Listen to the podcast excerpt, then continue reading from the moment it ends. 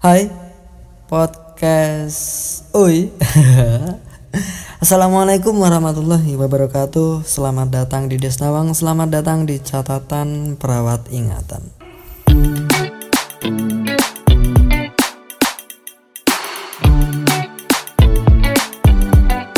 Podcast kali ini hadir pada hari Senin tanggal 4 Mei 2020 uh, apa ya? Kayaknya aku masih ingin mencoba lagi membacakan sebuah cerpen kayak kemarin yang berjudul Bapak Nakal itu. Masih sama yaitu cerpen yang kali ini akan saya baca. Salah satu cerpen dari karya Om Budi Mariono dari Semarang juga. Tapi beda judul. Kali ini saya akan mencoba membacanya dengan cerpen yang berjudul Imam Tergugat. Serem ya kan tergugat. Kayak mau cerai aja ini. Oke langsung aja. Bismillahirrahmanirrahim. Imam adalah posisi yang aku hindari ketika sholat berjamaah di masjid perumahan yang memang tak punya imam tetap itu. Karena aku merasa tak pantas. Aku merasa tak pantas menjadi seorang pemimpin bagi orang banyak, apalagi dalam urusan bertemu Tuhan. Wong memimpin diri sendiri aja masih meleto-meleto.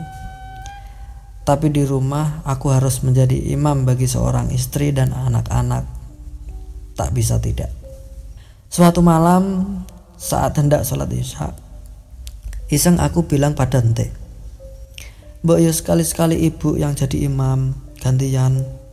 Capek juga terus-terusan jadi imam. Lalu kemudian dia maju aku mundur. Tapi sebelum takbiratul ikhram dia atret. Enggak ah jadi imam. Nanti ibu punya kewajiban belanjani. Enakan jadi makmum dibelanjani. Udah bapak aja. Aku tertawa sekaligus sadar konsekuensi jadi imam di rumah tak hanya soal nafkah menafkahi, banyak konsekuensi yang jauh lebih berat. Satu di antaranya bisa menjadi teladan terbaik. Oh. Padahal sebagaimana kebiasaan banyak orang-orang di negeri ini, aku pun lebih pintar berbicara ketimbang melaksanakan kata-kata. Maka sholat berjamaah di rumah menjadi kritik tak habis-habis apalagi usai sholat. Ada ritual muamalah yang tak pernah kami tinggalkan. Entek mencium tanganku, anak-anak mencium tanganku. Biru mencium tangan Tia, Gigih mencium tangan kedua kakaknya. Lah yang cium tanganku siapa? Protesnya suatu ketika. Bapak kok nggak cium tangan siapa-siapa? Ngimami saja aku masih tergedor pertanyaan. Memang sudah layakkah menjadi pemimpin dan teladan? Lebih-lebih cium tangan itu. Setiap kali endek mencium tanganku, rasa damai mengalir dari ujung jari sampai hati. Tapi bersamaan dengan itu, aku tergugat. Sebagai suami, Sudahkah kau alirkan kedamaian yang sama ke hatinya setiap hari?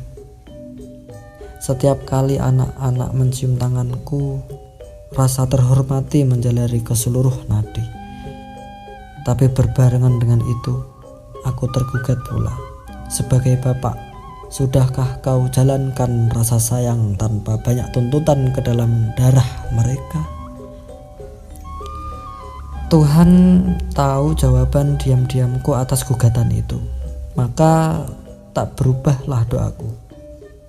Ya Muhaimin, berikan esokmu kepadaku agar bisa kulunasi utangku hari ini. Oke, itu adalah sebuah cerpen dari Budi Mariono yang berjudul Imam Tergugat uh, mohon maaf apabila ada kesalahan-kesalahan yang masih saja ada pada pembacaan cerpen kali ini. Semoga suka. Terima kasih dari saya, Alfa Debora. Wassalamualaikum warahmatullahi wabarakatuh.